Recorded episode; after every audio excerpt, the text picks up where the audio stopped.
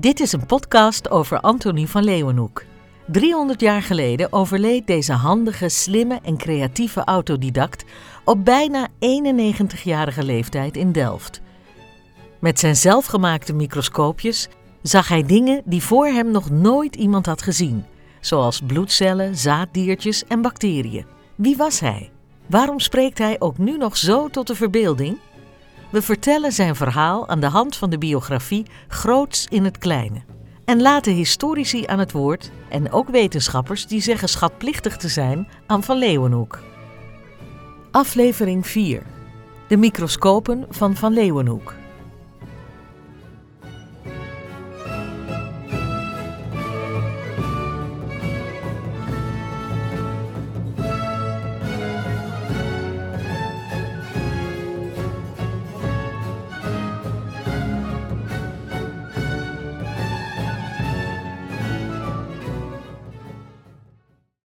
Leeuwenhoek maakte zijn eigen microscopen. Hoe deed hij dat? Hoeveel maakte hij er? Hoeveel zijn er bewaard gebleven? En was hij de eerste die microscopen maakte? In een brief aan de Royal Society schrijft Van Leeuwenhoek hoe goed hij is in het maken van zijn vergrootglazen. Vrij vertaald beweert hij het volgende. Terwijl ik deze brief schrijf, liggen er wel acht tot tien microscopen voor me. Ze zijn door mij met zilver gemonteerd en hoewel ik totaal geen opleiding heb gehad om metalen met vijl of hamer te bewerken, toch monteer ik mijn lenzen hierop. En mijn werktuigen zijn zo goed gemaakt dat zelfs goudsmeden moeten toegeven dat ze mij dit niet na kunnen doen. Veel mensen denken dat Van Leeuwenhoek de uitvinder is van de microscoop, maar daar klopt niets van. Wel is hij degene die de microscoop met een enkele lens enorm verbetert, maar het maken en gebruiken van vergrotende lenzen begon al in de oudheid.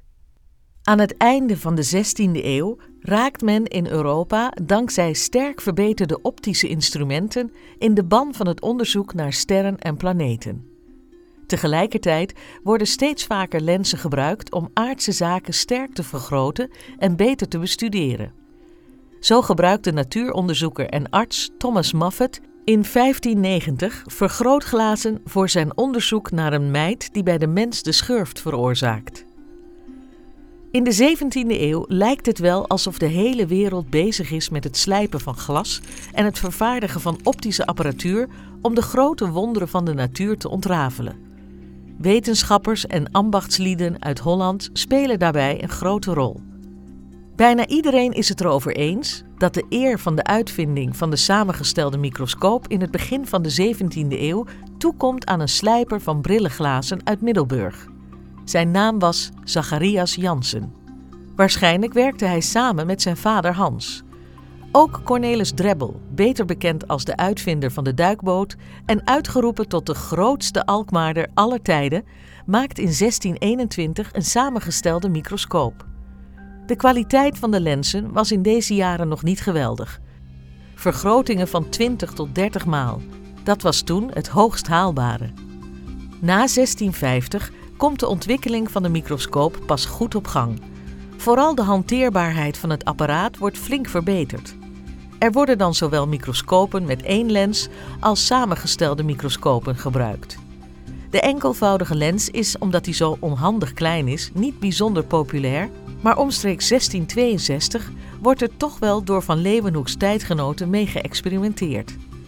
De microscoop van de Amsterdamse Johannes Hudde bevat een hele kleine en daardoor sterk vergrotende bolle lens. Hudde correspondeert hierover met Spinoza en Christian Huygens. De kritische Huygens vindt deze microscoop maar onhandig in het gebruik en de scherptediepte vindt hij te gering. De bioloog Jan Swammerdam wordt wel enthousiast als Hudde hem schrijft over de sterke vergroting van zijn eenlenser. Hij begint met het bestuderen van insecten, ook met een microscoop met een enkele lens. Hij beschrijft de anatomie en de ontwikkeling van insecten, in het bijzonder van de bij.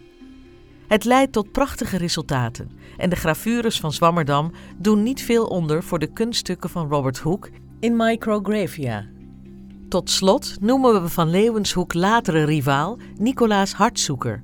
Spelend met de glasdraad in een kaarsvlam experimenteerde Hartzoeker al in 1668 als jongen van 12 met het blazen van kleine lenzen. De piepkleine lensjes die hij op latere leeftijd maakte, konden enorm sterk vergroten. Zijn beste lensjes waren niet groter dan een zandkorrel. Ook ontwikkelde hij een microscoop met een roterende preparaathouder, een revolver. En in 1694 vervaardigde hij een ingenieuze microscoop waarbij de lens in een kokertje op en neer geschroefd kon worden voor het scherpstellen van het beeld. Dankzij de verdere ontwikkeling door de Engelsman Edmund Culpeper werd deze schroefmicroscoop daarna in heel Europa gebruikt. Kortom, de ontwikkeling van de microscoop heeft in de tweede helft van de 17e eeuw een hoge vlucht genomen. Anthony heeft hierbij zeker zijn steentje bijgedragen. Van Leeuwenhoek was een uitstekende instrumentmaker. Voor het maken van de lenzen hanteert Van Leeuwenhoek drie methoden. Hij slijpt, hij blaast of hij druppelt glas. De laatste methode is door Hoek beschreven in Micrographia. Kijk, we kennen het microscopische werk van Hoek en we kennen het microscopische werk van Van Leeuwenhoek. En we weten alle twee waar, hun uh, sterktepunten lagen. Um, maar het is heel interessant om naar hun werk te kijken in relatie tot elkaar en dan vooral de chronologie. Hoek is iemand die in 1665 de Micrographia schrijft, een heel invloedrijk boek. Um, en daarin geeft hij zegt hij zelf, ja, je kan lensjes maken op een heel eenvoudige manier door glasbolletjes te maken, maar ik vind ze straining to my eye en er zijn allerlei nadelen mee. Ik verkies de samengestelde microscoop. En dat is dan ook de iconische microscoop die in Micrographia staat afgebeeld. Um, en dat begint te veranderen op het moment dat die brieven van Van Leeuwenhoek binnenstromen. En uh, Hoek krijgt bijvoorbeeld ook de brief over microleven. En hij vindt het een heel interessante vraag of dat microleven er echt is. Maar net zo interessant vindt hij de vraag, hoe, hoe ziet Van Leeuwenhoek dit alles? En daar zie je hoe eigenzinnig Van Leeuwenhoek zijn observatiepraktijk is. Met zijn capillairtjes en met zijn bollensjes en met zijn eigenzinnige microscoopjes. Want Hoek op afstand probeert daar achteraan te gaan. En je ziet dat hij worstelt om die waarnemingmethodiek van Van Leeuwenhoek na te doen. Inderdaad, hij moet als um, op dat moment um, curator en dan ook secretaris van de Royal Society, moet hij die observaties nadoen, maar dat kost hem beslist wat moeite. Uh, en dan interessant is te zien dat waar hij bij Micrographia nog schrijft dat hij de samengestelde microscoop verkiest, in 1678, 1677 gaat Hoek behoorlijk radicaal over naar enkelvoudige microscoopjes. Dus je ziet dat uh, bij iemand als Hoek die waarneempraktijk verandert onder invloed van Van Leeuwenhoek. Bij Huygens en Hartzoeker uh, zie je ook iets soortgelijks gebeuren. Met dat grote verschil dat het op het continent misschien wat dichterbij van Leeuwenhoek plaatsvond. Um, Huygens en Hartzoeker ook uh, meteen in de weer op, op, op, ja, op hoog niveau met de microscopie rond dezelfde tijd als van. Maar ook daar zie je bijvoorbeeld bij Huygens, die man had ook in zijn jongere jaren een voorkeur voor een samengestelde microscoop.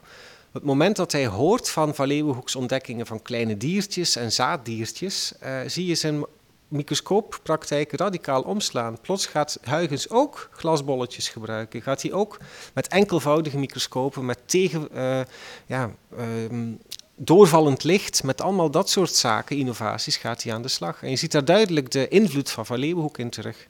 Van Huygens zelf is misschien één microscoop bewaard. Die ligt hier één verdieping lager. Uh, kijk, Huygens is ook weer een man met een eigen karakter. Die is uh, ja, geniaal wiskundige, maar is ook echt praktisch een doordenker.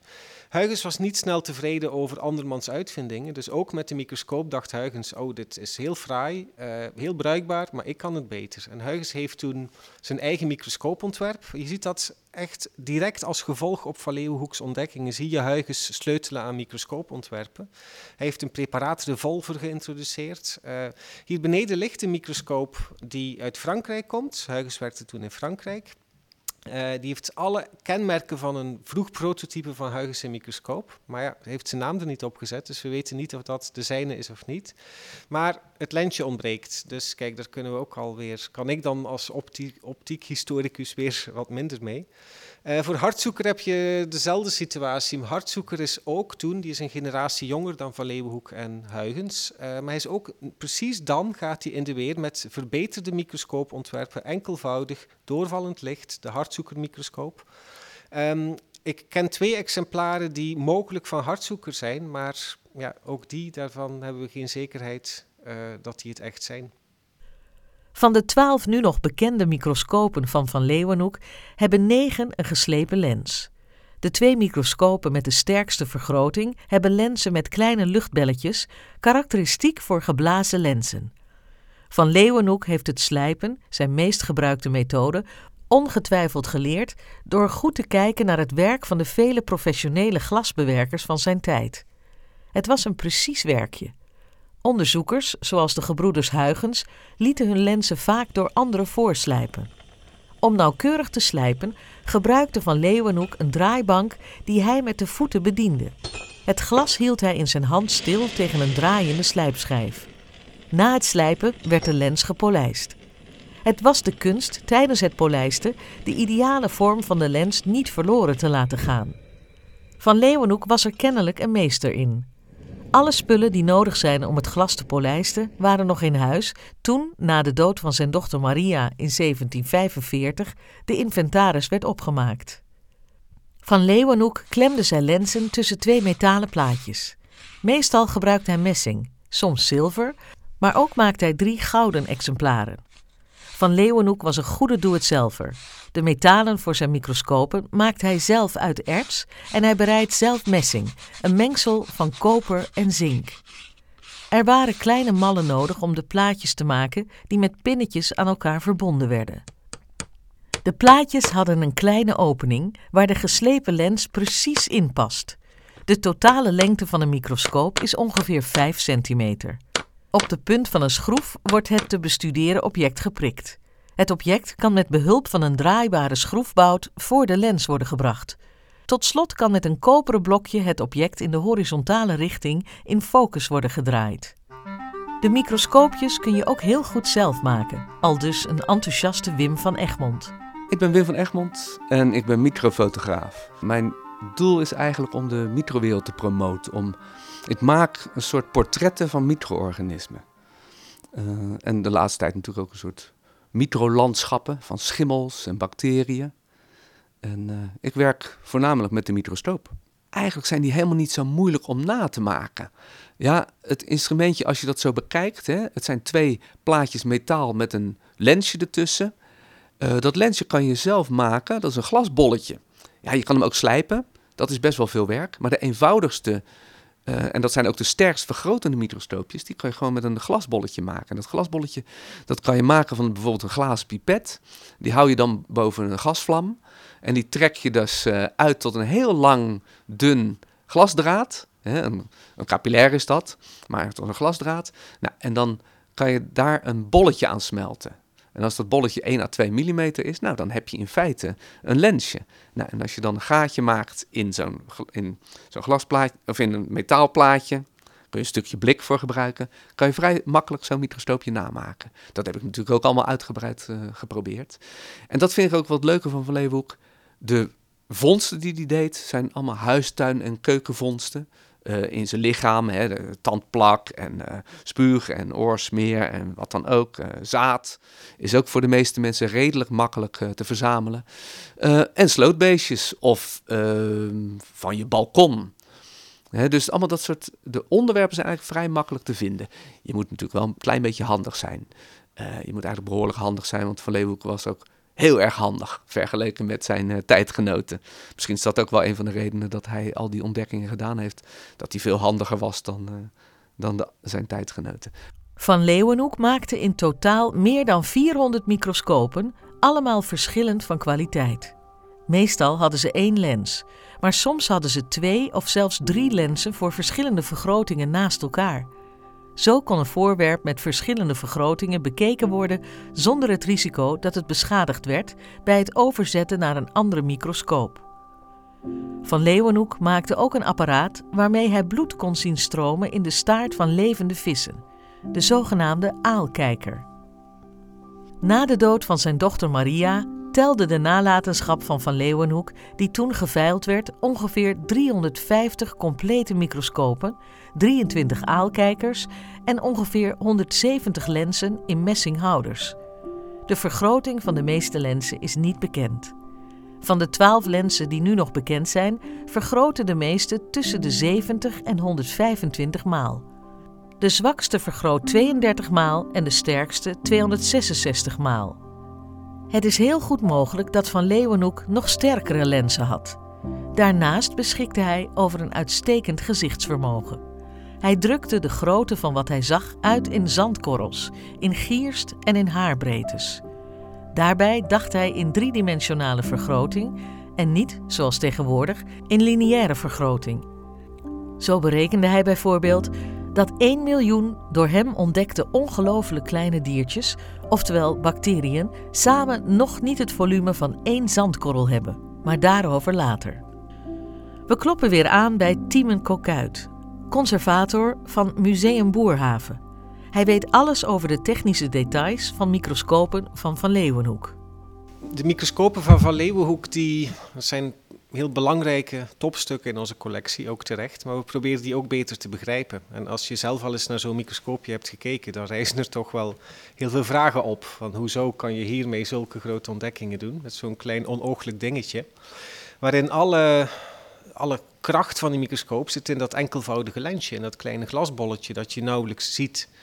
En ik denk dat daar het meeste onderzoek naar uitgaat. Ook van hoeveel, hoeveel microscopen kunnen we nog aan Van Leeuwenhoek toewijzen. Maar waarom werkten ze zo goed? Wat zijn de bijzonderheden ervan? Wat zijn de optische eigenschappen? En wat dat betreft is er al langer onderzoek gaande, maar we begrijpen nog steeds niet zo heel goed waarom Van Leeuwenhoek alles uit die microscoopjes wist te halen en dat hij echt in een paar jaar tijd het volledige potentie uit die kleine lensjes haalde, terwijl zijn tijdgenoten dat blijkbaar nog niet, nog niet op dat idee waren gekomen of niet in staat toe waren. Dus um, begrijpen hoe Van Leeuwenhoeks microscopen om te beginnen optisch in elkaar zitten, dat is iets waar ik al wat langer mee bezig ben. En er is uh, uiteraard, ja, er is al naar gekeken naar de brandpuntsafstanden, maar het blijven heel onbenaderbare lensjes. Ze zitten opgesloten tussen twee metalen plaatjes. Een van de leukste en misschien ook verrassende dingen die de afgelopen jaren die we hebben gevonden, is dat in de allerkrachtigste Van Leeuwenhoek microscopen dat daar, dat hebben we nu echt, er waren wel uh, speculaties over, maar dat daar daadwerkelijk een geblazen, nee, dat daar een gesmolten lensje in zit, een, een glasbolletje. Um, Van Leeuwenhoek heeft heel veel lensjes geslepen, dat geeft hij ook toe, maar hij is daar een beetje vaag over. Hij zegt ook dat hij met glasbolletjes heeft gewerkt, die vond hij niet fijn, want er zaten te veel vertroebelingen in, dat was helemaal niks. En dan had hij het ook nog over een glasblaasmethode waarin hij heel bijzondere resultaten uithaalde. Ja, hij heeft daar nooit details over prijsgegeven. We hebben uh, vier jaar geleden hebben we samen met de TU Delft hebben we een van de microscoopjes in een neutronendetector gestopt. Dat is eigenlijk een kernreactor die dan neutronen uitgeeft. Die gaan door het metaal heen, botsen tegen het glas. En zo kan je een beeld vormen van wat daar precies in zit. En tot onze grote verrassing zat daar een simpel glasbolletje in. Nu moet je weten, dat is de beste Van Leeuwenhoek microscoop die we kennen. Uh, die bewaard is gebleven uit het Universiteitsmuseum Utrecht. De kwaliteit van die microscoop is niet overtroffen gedurende anderhalve eeuw. Dus Van Leeuwenhoek maakte die microscoop rond 1700. Tot 1820, 1830 de achromatische microscoop opkwam, was er geen enkele microscoopmaker die zulke scherpe microscopen kon maken. En dan is het gewoon ja, verbluffend om daar zo'n eenvoudige glassmeltmethode, glazen bolletjes in terug te vinden in die microscoop. Er zijn hypotheses geweest dat je met glasblazen, dat je daar een bolletje mee blaast en dat daar dan een klein knotje, een, bultje op komt, dat je als lens zou kunnen gebruiken. Maar als je kijkt in de 17e eeuwse bronnen, want uh, ook mensen als Robert Hooke, die zijn heel uh, open over hoe je uh, microscooplensjes maakt, dan als je daar goed tussen de regels doorleest, dan blijkt dat glas blazen in de 17e eeuw betekent dat je zuurstof blaast in een vlammetje. En dat vlammetje kan je opstoken, op die manier krijg je voldoende hitte om glas te smelten. En dat is uh, ook wel wat achter die ontdekking van dat uh, met de neutronendetector ehm, uh, zit. Het is gewoon een glassmeltmethode. Het zijn gesmolten glazen bolletjes. Maar in Van Leeuwenhoeks tijd, door het blazen in een vlam om te kunnen smelten, werd het anders genoemd. Werd het glasblazen genoemd. Wel, een slijpproces, ik denk dat dat, uh, dat hangt er helemaal mee samen hoe groot die lenzen zijn. Echt flinke telescooplenzen, dat is ja, dagen, weken werk. Een microscooplensje zal wel ietsje sneller hebben kunnen slijpen. Maar alsnog, het is een heel traag proces. En het belangrijkste bij zo'n slijproces, je gaat met steeds fijner slijpoeder, met steeds fijner zand, ga je het bolletje steeds mooier maken. Maar als je daar één stap ietsje te snel uitvoert, dan krijg je gewoon een ondoorzichtige lens. Dus je moet daar gewoon alle geduld uh, bij bewaren. Um, van Leeuwenhoek was daar overigens heel goed in hoor, want ik denk 80, 90 procent van zijn bewaarde microscopen hebben een geslepen lensjes. Die zijn ook allemaal heel goed. Het verrassende met die lens blaas- of lens smeltmethode is dat die zo verrassend snel gaat. Je hoeft helemaal je geen zorgen te maken over de bolvorm. Dat glas, door oppervlaktespanning, krijg je automatisch een, een bolletje. En dat schrijven zijn tijdgenoten ook. Van het vormt zichzelf automatisch tot een bolletje. Het jammere is dat we de chronologie niet hebben uh, van zijn microscoopproductie. We hebben elf microscopen, we weten van geen enkele van die microscopen of die in 1673 al is gebouwd of in 1723 voor hij doodging. Uh, er zit een periode van 50 jaar in Van Leeuwenhoek's instrumentenproductie, die op, opeenvolging kennen we niet. Um, hooguit kan je zeggen, kijk, het is natuurlijk heel frappant en ironisch dat je in de beste microscoop van Van Leeuwenhoek dat je een bolletje terugvindt dat volgens de methode van Hoek is uh, gemaakt. Of Van Leeuwenhoek daar dat voor of na die publicatie heeft gedaan, kijk, dat soort details tasten we in het duister. Maar je kan zeker zeggen dat Van Leeuwenhoek veel meer schatplichtig was bij het lenzen maken aan Hoek dan hij zelf heeft kunnen uh, willen toegeven. Jatten, dat gaat te ver. Het was gewoon zo'n spel van informatie geven en nemen in de 17e eeuw. Maar hij heeft in zijn brieven, Hoek die zat echt bewust achter Van Leeuwenhoekse lensslijpmethode aan. Van Leeuwenhoek gaf daar geen geheimen over prijs. En als je dan kijkt naar die context toen, in 1678 besloot Hoek dan maar zelf te publiceren hoe je die lensjes moet maken, als een antwoord op, op Van Leeuwenhoek, die maar niks erover kwijt wou. En om dan dat lensje terug te vinden, ja, dat is gewoon, dan zie je dat, dat, dat daar een, ja, een bewuste, bewuste achterhouden van informatie in moet hebben gezeten vanuit Van Leeuwenhoek. Antonie van Leeuwenhoek werkte in zijn comptoir. De letterlijke betekenis van dat woord is rekenkamer of schrijfkamer, maar eigenlijk was het zijn werkplaats. Het bevond zich in een bijgebouw van het woonhuis. Hier werd hij niet gestoord. De ramen hiervan konden aan de buitenkant met houten luiken worden afgesloten. Van Leeuwenhoek benadrukt dat zijn comptoir potdicht kan worden gemaakt, zodat er van buitenen weinig of geen lucht inkomt. Hij had gordijnen aan de binnenzijde om het vertrek nog beter van de buitenwereld te kunnen afsluiten. Uit zijn brieven en de inventarislijst na het overlijden van zijn dochter krijgen we een indruk welke apparatuur en welke materialen er stonden. Het moet een soort laboratorium geweest zijn met heel veel lenzen, glaswerk, een gloeioventje om zilver en goud uit erts te verkrijgen, een barometer, kolven en retorten voor het onderzoeken van zilver, goud en piriet, een zeewateraquarium, scherpe scheermessen, chemicaliën, waaronder brandewijn voor conservering en safraan voor kleuring, en een verzameling preparaten zoals de testis van een rat op sterk water, een stuk vlees van een walvis, een kokosnoot en nog veel meer. Er stond een balans met gewichten en een glasblazerstafel met een lamp. Ook beschikte hij over een aanbeeld. Veel van wat Van Leeuwenhoek bestudeerde kwam uit de directe omgeving van zijn huis. Hij had twee tuinen, één aan zijn huis en één buiten de stad. Hij had lange tijd een groene papegaai en hij voerde de mussen op zijn plaatsje. Daarna onderzocht hij hun uitwerpselen. Vissen kon hij dicht bij huis kopen op de vismarkt van Delft aan de overkant van de gracht.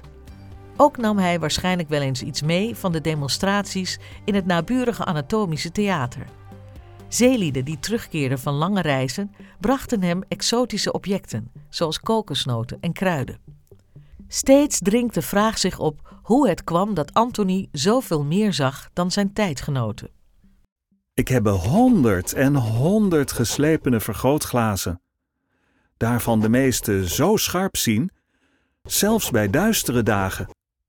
Schrijft Anthony van Leeuwenhoek in een brief in het jaar 1700. Dit in tegenstelling tot Swammerdam, die schrijft dat hij alleen op zonnige dagen microscopisch onderzoek kan doen. Mogelijk gebruikte Van Leeuwenhoek een vergrootglas om het licht op het object te concentreren. In 2014 is een replica van een Van Leeuwenhoek microscoop gemaakt die 303 keer vergrootte. Deze microscoop is gebruikt om bacteriën en andere eencelligen te filmen. Velen hebben zich verbaasd over de zeer sterke vergrotingen die Van Leeuwenhoek met zijn lenzen verkreeg. De objecten die Van Leeuwenhoek bekeek bevonden zich vaak in een waterdruppel. Dit kan hebben bijgedragen aan een extra vergroting. Afhankelijk van de diameter van de druppel en brekingsindex van de vloeistof kan dat een extra factor 2 of 3 zijn. Het principe van deze watermicroscoop is beschreven door Stephen Gray in 1696 in de Philosophical Transactions en het zou best eens kunnen dat Van Leeuwenhoek weet had van dit principe. Robert Hooke had nog een andere techniek ontwikkeld om details beter te onderscheiden. Tegenwoordig noemen we dit de techniek van donkerveldbelichting. Alles wijst erop dat ook Van Leeuwenhoek deze techniek heeft toegepast. Hierbij moet men het hoofd zo draaien dat het licht schuin van één kant op het object valt. Een dergelijke schuin invallende bundel bereikt de lens niet tenzij hij door delen van het object wordt afgebogen. In dat geval steken deze delen van het object heel duidelijk af tegen een donkere ondergrond, waardoor kleinere organismen of structuren beter gezien kunnen worden dan bij directe verlichting. Met de ontwikkeling van steeds betere microscopen in de 17e eeuw groeide de behoefte aan goede prepareertechnieken. Voor 1660 werden objecten gewoon onder een microscoop gelegd. Maar men ontdekte dat er veel meer details te zien waren na speciale behandelingen van een preparaat. Het begon eenvoudig. Robert Hooke sneed met een pennenmesje dunne plakjes van een stukje kurk. Hij kon in deze dunne koepels met zijn microscoop structuren waarnemen die nog niet eerder gezien waren. Hij noemde ze cellen. Hoek bestudeerde ook spieren en pezen en zag dat zijn resultaat beter werden als hij zijn object onderdompelde in water of olie. Jan Swammerdam ontwikkelde een manier om holle structuren op te spuiten met was, gips of kwik. Hij kon zo bloed- en lymfevaten, darmen en luchtpijpen veel beter bestuderen, terwijl deze hun oorspronkelijke structuur behielden. De Italiaanse arts Marcello Malpighi gebruikte een nieuwe techniek bij zijn onderzoek aan nieren en hersenen. Hij kleurde het weefsel door er inkt over te gieten en door inkt in de vaten te spuiten. Anthony maakte dunne koepels van oogzenuwen, hersenen, haar, tong, milt, spier, oog, pees, ruggenmerg, huid, vet en allerlei plantenmaterialen. Hij kookte hersenen om ze beter hanteerbaar te maken of om structuren beter uit te laten komen. Soms vond hij het nodig om zachte delen weg te spoelen of weg te laten rotten.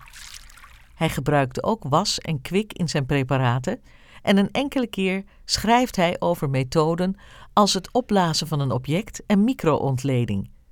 Hij beheerste een verfijnde uitsnijtechniek. Een van de grote vragen is: hoe kan het nou dat Van Leeuwenhoek zoveel beter was in observeren dan de tijdgenoot? Want dat was hij.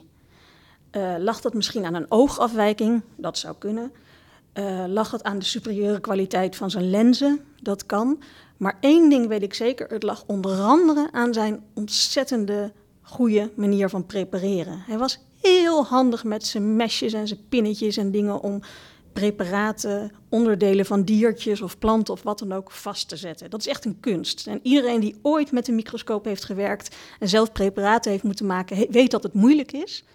Uh, en daarbij hebben wij nog het voordeel van moderne apparatuur en kennis van wat je ongeveer moet zien. Hij had dat allemaal niet. Dus om Van Leeuwenhoek te begrijpen, moet je begrijpen dat hij zo ontzettend handig was.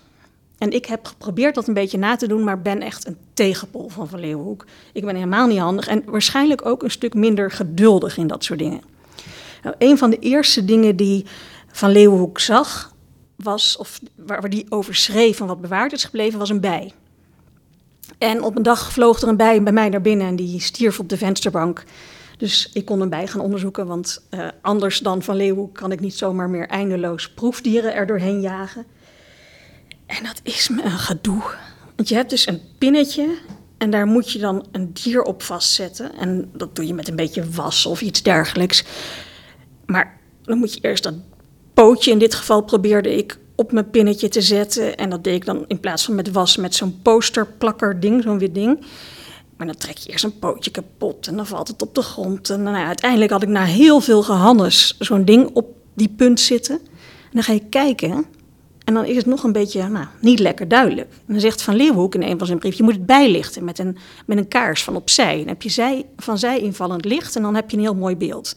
Nou, dat kreeg ik uiteindelijk voor elkaar. En ik was aan, zelfs aan het kijken, maar toen rook ik een beetje een schroeilucht. En toen ja, stond mijn haar een klein beetje in de fik. Anthony lijmde zijn vaste preparaten op de objectpin van zijn microscopen. De vloeibare preparaten werden eerst op een klein mica of geblazen glazen plaatje uitgesmeerd en dan op de pin vastgelijmd. Hij kende ook de techniek om een druppel in een capillair op te zuigen en die vervolgens aan zijn microscoop te bevestigen. Ook gaf hij aanwijzingen hoe het geheel bekeken moest worden. In een donkere kamer kijkt men in de richting van een venster waar licht doorheen komt.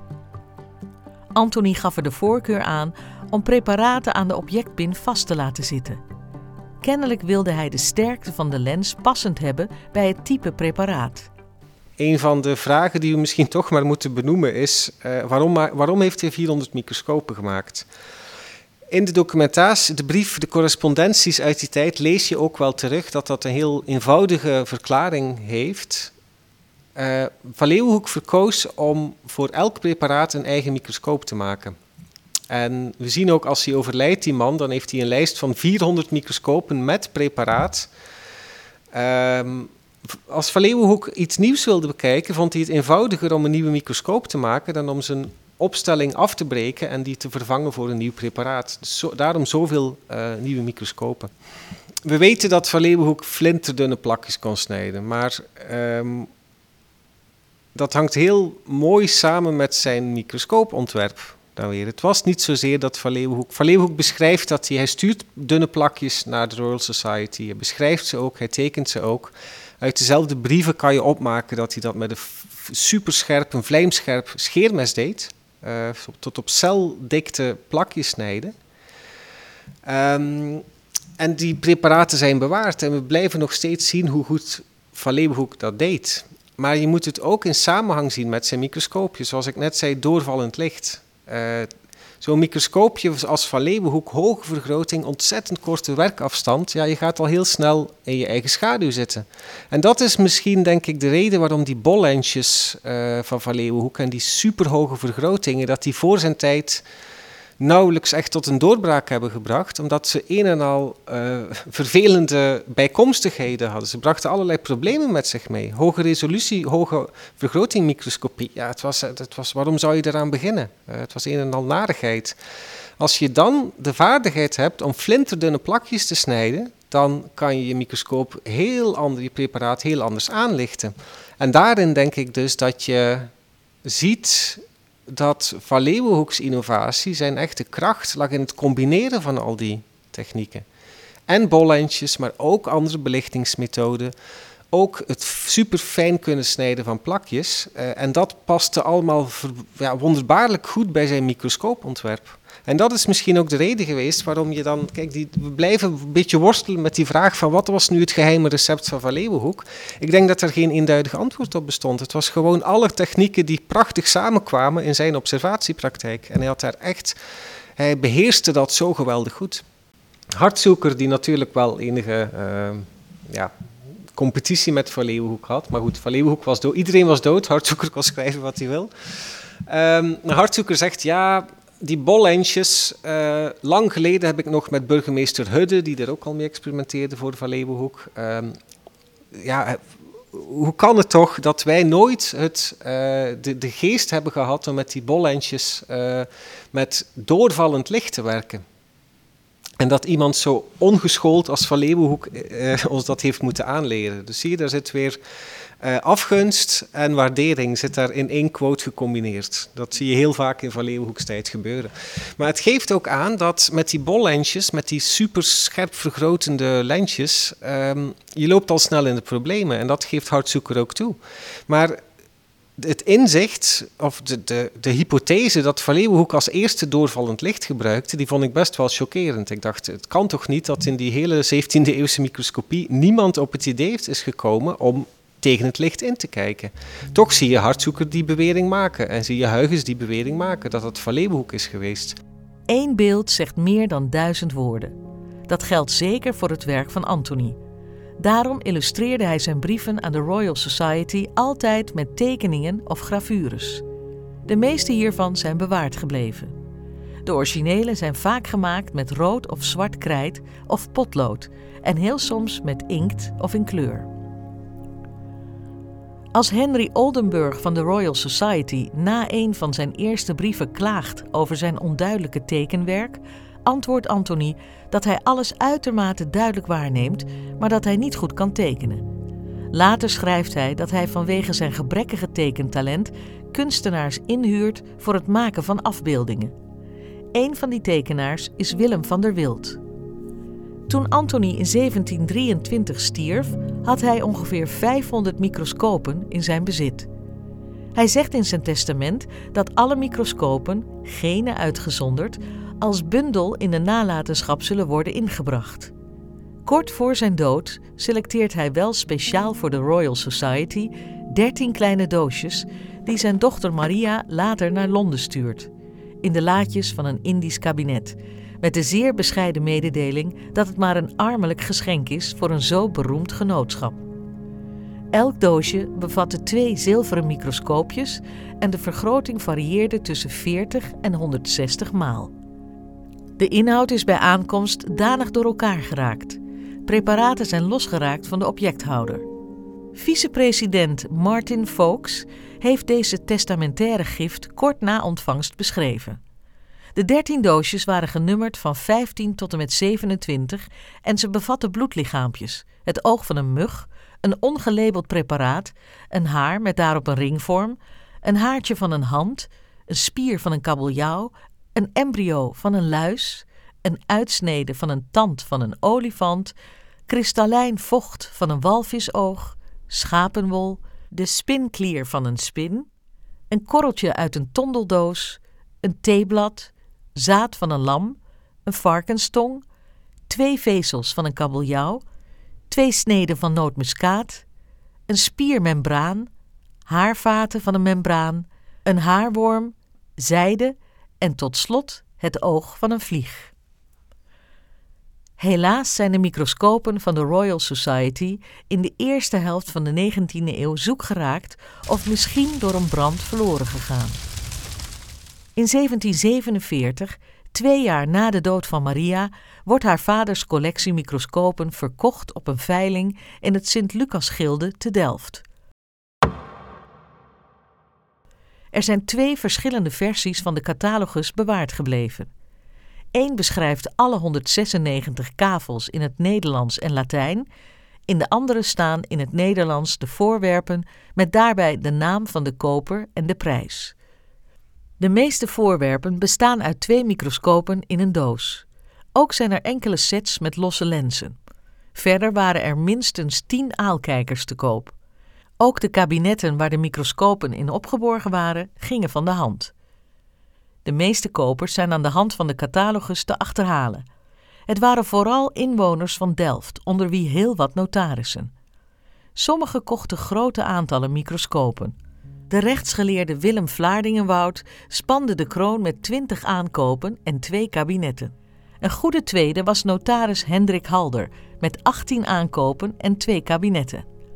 De veilingmeester Adriaan Rees kocht zelf de enige gouden microscoop uit de boedel. Alle microscopen die in 1747 geveild werden, zijn verdwenen. Behalve de drie microscopen die zich nu in de collectie van Museum Boerhaven bevinden. Anthony heeft tijdens zijn leven geen microscopen verkocht en slechts bij hoge uitzondering gaf hij ze cadeau. Er zijn maar twee gevallen bekend waarin hij mogelijk een microscoop heeft weggegeven. Zo zou Anthony ter verontschuldiging enkele microscopen geschonken hebben aan Maria, koningin van Groot-Brittannië en de echtgenote van Willem van Oranje, die geprobeerd had hem in Delft te bezoeken op een moment dat hij niet thuis was. Mogelijk heeft ook tsaar Peter de Grote tijdens zijn ontmoeting met Van Leeuwenhoek in 1698 één of meerdere microscopen en een aalkijker cadeau gekregen.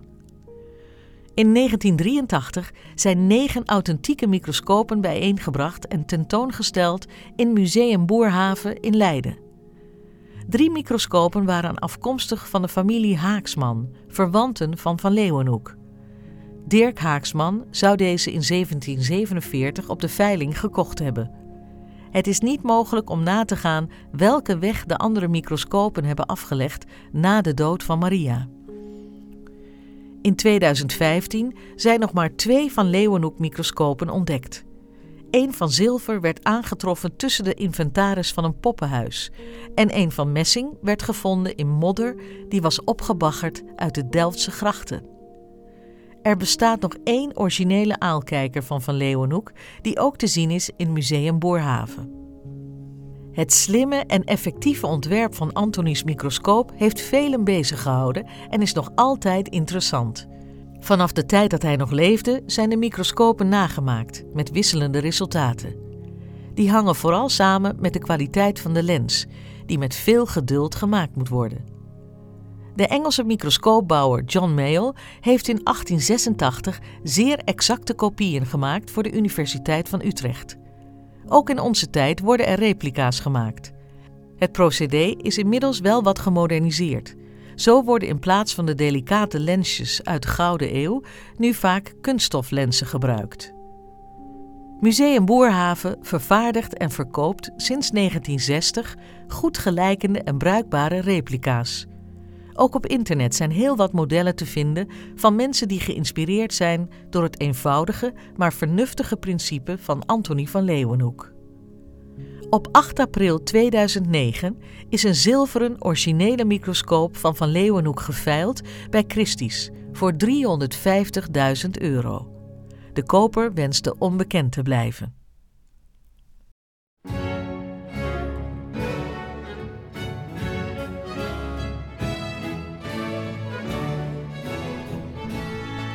Deze podcast over Antonie van Leeuwenhoek werd gemaakt door de Microbenclub in samenwerking met Videofixers.